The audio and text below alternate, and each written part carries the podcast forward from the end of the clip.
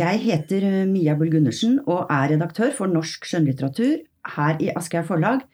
Og i høst så har vi en podkastserie som heter Hvorfor skriver du?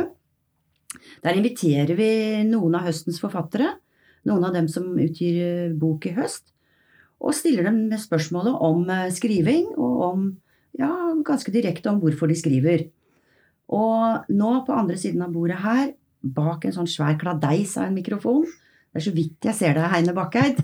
Men jeg ser deg nå.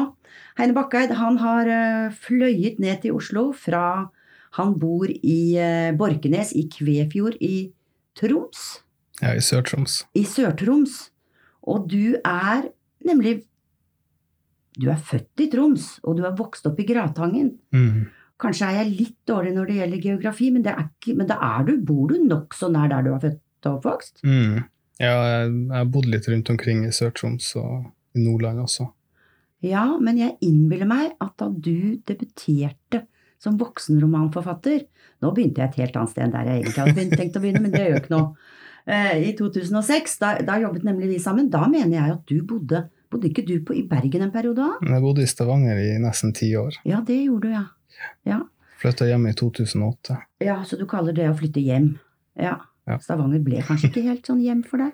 Jeg trivdes veldig godt der, men vi hadde fått tre barn da. og ja. Jeg hadde lyst til å skrive på heltid, og vi trengte barnevakt, så foreldre bodde i Nord-Norge. Opp til foreldre i Nord-Norge!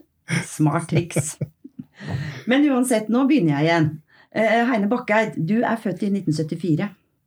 Du ja. debuterte i 2005 med ungdomsromanen 'Boblim spesialagenten'. Og i 2006, som sagt, så utga du din første roman for voksne. Det var ikke en krim, men den het Uten puls, og, og jeg husker den som en ganske rå oppvekstskildring. Mm. Uh, hvor mye det var fra ditt eget liv, det vet jeg ikke. Vi får se om vi kan komme litt inn på den. Jeg, jeg likte den veldig godt, husker jeg. Men det er jo 15 år siden. Uh, det er rart å tenke på. Og etter det så har du skrevet ganske mange romaner for ungdom. Mm. Blant annet fire bøker i serien om Dr. Snabels krønike. Men så var det da altså, i 2016, som bare er tre år siden, da skrev du din første kriminalroman eh, med Torkil Aske i hovedrollen. Mm. Den het Jeg skal savne deg i morgen. Og eh, Torkil Aske, han er en nokså sånn uh, ute og kjøre-type. Um, vil du en... si noe om han før vi går inn på de to neste du har skrevet om han? Han er jo en klassisk uh, krimkarakter. Jeg henta jo fra veldig sånn tradisjonell bakgrunn. Og så eh, eh, Jeg likte de karakterene jeg vokste opp.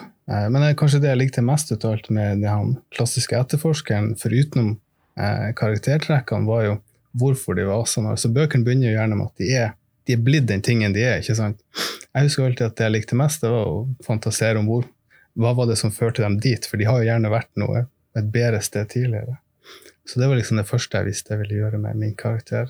Det var å utforske den delen også. Ja, fordi når vi møter Torkil Aske i den 'Jeg skal savne deg i morgen', som var første romanen om ham, første krimmen, da har han rett og slett sittet i fengsel også? Ja, vi starter på det Torkil tror er bunnen. Uh, ja. Fortell litt, hva, Hvorfor sitter han i fengsel da? Vi møter ham vel Jo, vi møter ham i noen tilbakeblikk i fengsel. I prologen så møter vi han når han uh, har et mislykka selvmordsforsøk i fengselet. Eh, I kapittel én møter vi han han nettopp er sluppet ut fra fengsel og er egentlig sterkt avhengig av piller. Har egentlig ikke noe større motivasjon enn å sitte på hybelen og synes synd i seg sjøl. Han blir vel mer eller mindre tvunget til å lete etter en ung mann som har forsvunnet i Nord-Norge. Eh, det er på en måte innfallsvinkelen til krimplottet i boka. Mm. Så oppdager man kanskje etter hvert at det som han trodde var bunnen, er egentlig langt unna den ordentlige bunnen. Ja, fordi at i den første romanen så, så havner han jo rett og slett på altså Han drar jo opp til et fyr ja. eh, på en øy ved nordlandskysten et eller annet sted. Det er i Nord-Troms. Nord ja. for Tromsø. Jeg har tatt eh, et uh, ekte sted Vannøya, og så har jeg skrevet den litt om til å bli mi øy. Og ja. flytta litt på en par ting. Fyret ligger egentlig mye lenger nord, og, oh, ja. for å passe mitt univers. Ja. Mm. Og der, Du sa han var på bunnen, men der kommer han jo nesten ned på bunnen. Altså havsens bunn. Det er ganske ramsalt og ja, jeg, ja, altså, jeg vil jo det skal være forutenom hvordan jeg vil karakterene skal være og agere, så vil jeg jo det skal være en historie jeg forteller. Det, jeg sitter ikke og gjengir anatomisk korrekt virkelighet. Vi vil jo fortelle et, en fortelling, så folk skal underholdes. Mm. Og jeg husker den, jeg husker den dette, Vi skal komme inn på den siste romanen din nå, altså, men jeg husker den første om Torkel Aske. For da, da er det, et, det er en beskrivelse av et lik som ligger på et sånt obduksjonsbord som er helt jævlig egnet. Jeg har fått uh, veldig mye tilbakemeldinger fra utlandet også om at det nærmer meg grensa for hvor, hvor, dypt man kan gå i visse ting. Jeg er veldig glad i å bruke virkeligheten når det gjelder de teknisk spesifikke tingene. Og så kan jeg fantasere rundt. Så obduksjon, da eh, snakka med min bror som er lege. Jeg gjorde mye research på hvordan en ekte obduksjon er, sånn at jeg ville det skulle være anatomisk korrekt. Jeg vil du skulle føle det slik det er. Den ekte følelsen du får der. Eh, så det, det ble rimelig intenst. Eh. Det ble, det ble ganske kvalmt. Fordi man er ikke så pen når man har vært en stund. Ja, Nei, men det, er, det, skal være det er uhy uhyggelig, ja. og det er trist, og det er hardt. Ja. Jeg liker det. Da, det var altså i 2016 du skrev den 'Jeg skal savne deg i morgen', og det gikk svært bra. Mm. Da ble Heine Bakkeid en navn plutselig veldig kjent som en krimforfatter. Og, og, så kom 'Møt meg i paradis' året etter. Og nå er altså den tredje boken om Torkel Aske kommet. Den heter 'Vi skal ikke våkne'. Og i løpet av disse få årene, fra 2016 til 2019, så er faktisk disse bøkene Det er solgt rettigheter til 18 språk, og den er kommet ut, i hvert fall den første, og kanskje den andre også, er kommet ut på en del andre språk allerede. Den andre er ute i en del land. Uh, ikke alle. Uh, jeg håper i løpet av 20, 2020 at den kommer ut i 20 land, for det er vel to land til som står i bakgrunnen. Akkurat. Jeg må få avklart litt der. Så det går veldig fint, uh, ja, det etter det jeg forstår. Ja. Men hvordan var det, da? For da, du, da du kom med den første romanen om Torkel Aske, da hadde du skrevet mye for ungdom. Hvordan, hvordan begynte det der? Altså hvordan jeg begynte å skrive krim? Ja. Hvordan begynte du med det? Så eh, Det første jeg skrev noen gang eh, mens jeg studerte i Stavanger, det var en Torkel Aske-scene. Men jeg var så ung da, og jeg merka at jeg kunne ikke helt relatere meg til en mann i midten av 40-årene i den situasjonen han var i. Jeg, eh, men kanskje også, for å si sånn, jeg, jeg, studerte programmering i et helt år i Stavanger det året jeg begynte å skrive, som er veldig mye regel. Du har ingen frihet i det hele tatt. ikke sant? Og når jeg begynte å skrive på den Torkel Aske-scenen, og det begynte å bli begynnelsen på ei bok, så merka jeg vel også så sjangerveggene i krimmen òg. Jeg var liksom ekstremt eh, frihetssøkende i den tida der pga. programmeringa. Så eh, det var nok også en av grunnene til at jeg tenkte jeg venter med krimmen. Eh, så jeg sa jeg skulle vente til jeg fyller 40, så gjøre hva jeg vil frem til da.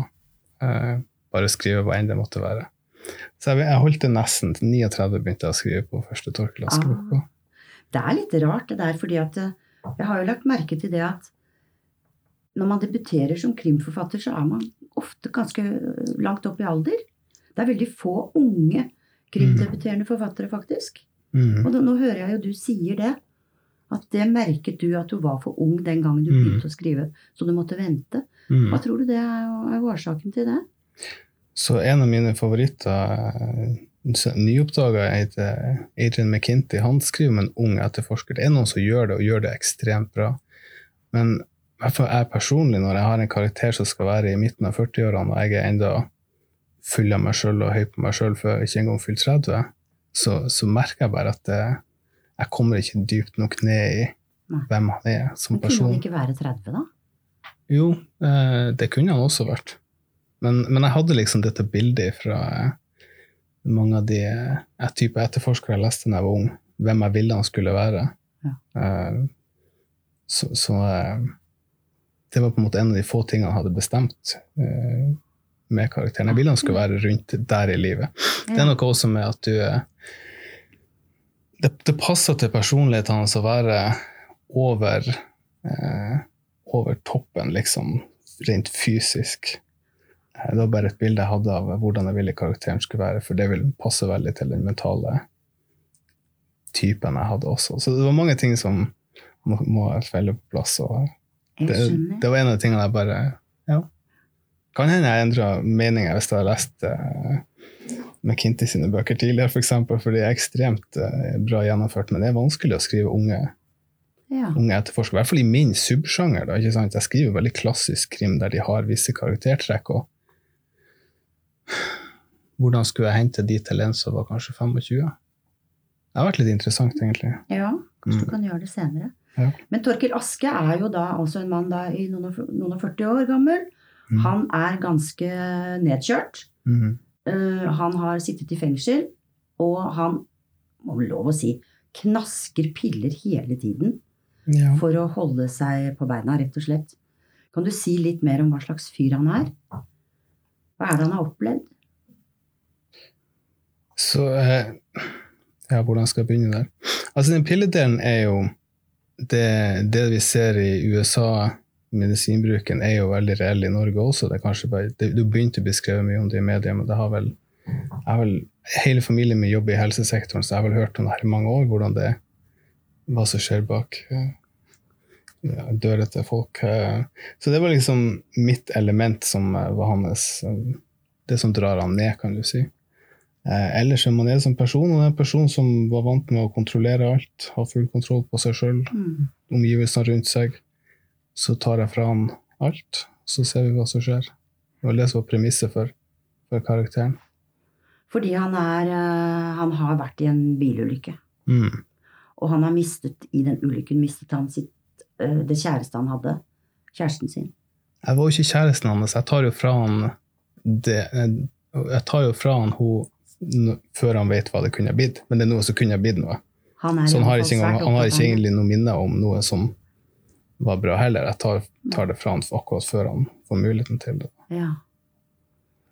Og det havner han i fengsel for, faktisk, den ulykken. Han får Ja. skylda for den ulykken. Han blir rett og slett dømt for drap på henne. Han har jo vært på en, en eh, nedgående kurve over, over lengre tid før dette inntreffer også, da. Mm. Men det er vel den utløsende faktoren der.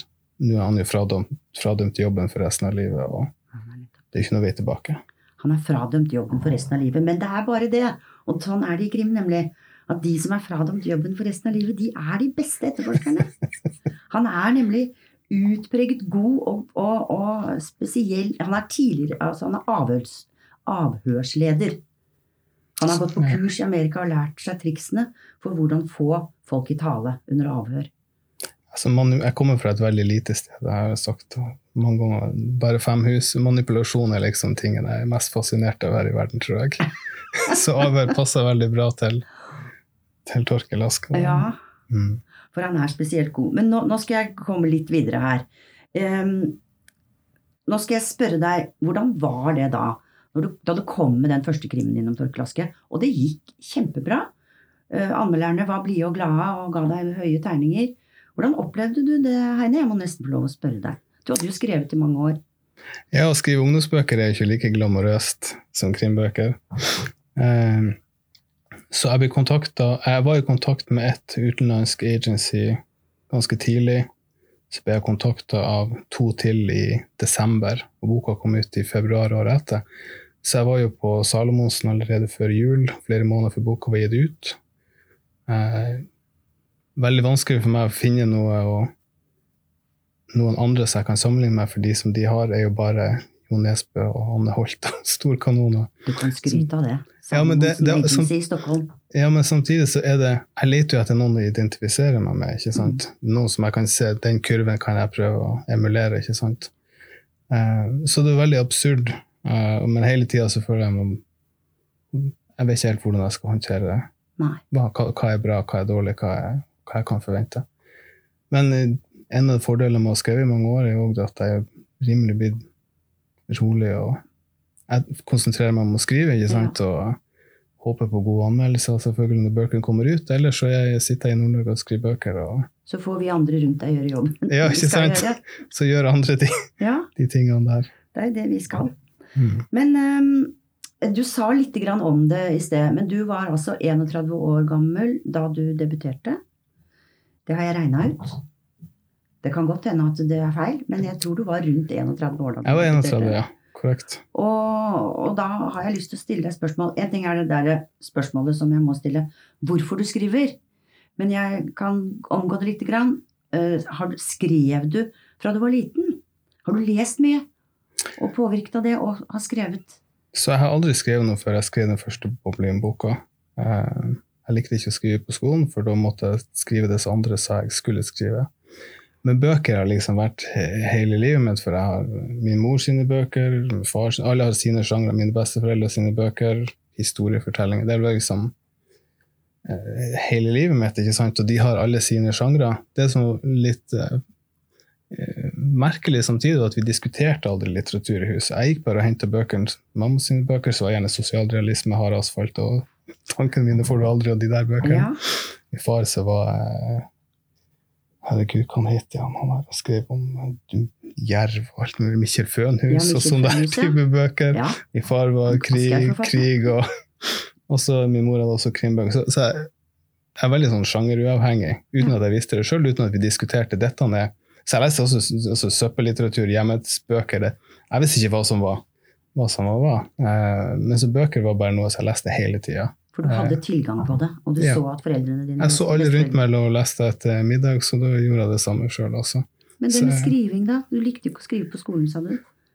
Nei, men ikke sant. En av de tingene som jeg eh, kanskje har tenkt i ettertid, at det er veldig vanskelig når du vokser opp på et veldig lite sted, du vokser opp i Nord-Norge, så er ikke det å bli noe utenom det vanlige det er, ikke, det er ikke et alternativ som henger rett foran deg. ikke sant? Forfatter er ikke noe som det var ikke noe jeg tenkte engang. Jeg bare visste at broren min visste hva han ville bli siden han var liten. Jeg hadde aldri anelse. Jeg begynte å studere IT fordi at det var den, den tingen jeg gjorde, bortsett fra bøker. ikke sant? For lege ville ikke du bli? Nei, jeg har aldri hatt noen interesse for helse. Jeg jobba som nattevakt i pleie og omsorg på eh, en tidligere institusjon. og eh, Veldig eh, dannende, men allikevel det ikke, ikke det jeg ville bruke livet mitt på. Mm. Så jeg tror egentlig det var når jeg satt det året med bare programmeringa Som sagt, det er langt jeg, det, det, er helt motsatt av den personen jeg er. ikke sant? Jeg går, jeg er ute og går tur, og sånn, så går jeg og lager scener. Jeg har gjort det hele livet mitt. Hvor enn jeg er henne, selv i samtaler med folk, så kan jeg sitte og spinne på en eller annen karakter i, inni hodet mitt. Så det er antitesen til hvem jeg er som person. Jeg tror bare jeg begynte å skrive da, for jeg fikk ikke sove, sove om nettene. Og jeg hadde den ene scenen som jeg holdt på med i uke hver kveld. og Så ville jeg bare prøve å få den ut av hodet, så jeg kunne få sove. Så satte jeg meg bare ned og skrive, og det var først da en Torkel Aske-scene. Var det Torkel Aske-scene før den Boblehjem-spesialen? Mm. Sier du det? Var det det? Ja? Mm. Men det må jo ha vært befriende for deg da, da du endelig satte deg ned? Så det var to ting. Det var eh, veldig befriende, for jeg, merka jeg skrev hver dag fra den dagen der. Eh, jeg merka veldig fort at eh, jeg har funnet én ting som jeg passer til å gjøre. Eh, men samtidig så er jeg jo 30 og har studiegjeld og skal egentlig på master i systemutvikling og må si til kona mi at jeg tror jeg starter på nytt. Tre barn fikk dere ganske kjapt, da. Ja. Men jeg jobba til 2008 og sa opp jobben min da og har skrevet på heltidssida da. Ja. Skrevet på heltidssiden da, ja. Elleve år. Nei, så, som sagt, jeg, eh, I ettertid så tenker jeg at det var helt naturlig at jeg skulle begynt å skrive. Jeg skulle ønske jeg begynte å skrive da jeg var mye yngre. At jeg hadde funnet det ut tidligere. Men samtidig så har jeg mange erfaringer som person da, som hjelper meg i skrivinga. Så... Du hadde blitt noe bedre Nei, det, det hadde begynt å skrive fem år før. Det er ikke sikkert. Jeg har spart meg et par hundre tusen i studiegjeld i hvert fall. Ja, og det er ganske smart. Men nå, jeg har jo sånne spørsmål skrevet opp her, og sånn, er du glad i å lese og sånn, og det har du jo i grunnen svart på. Og tiden går så innmari fort når vi sitter sånn.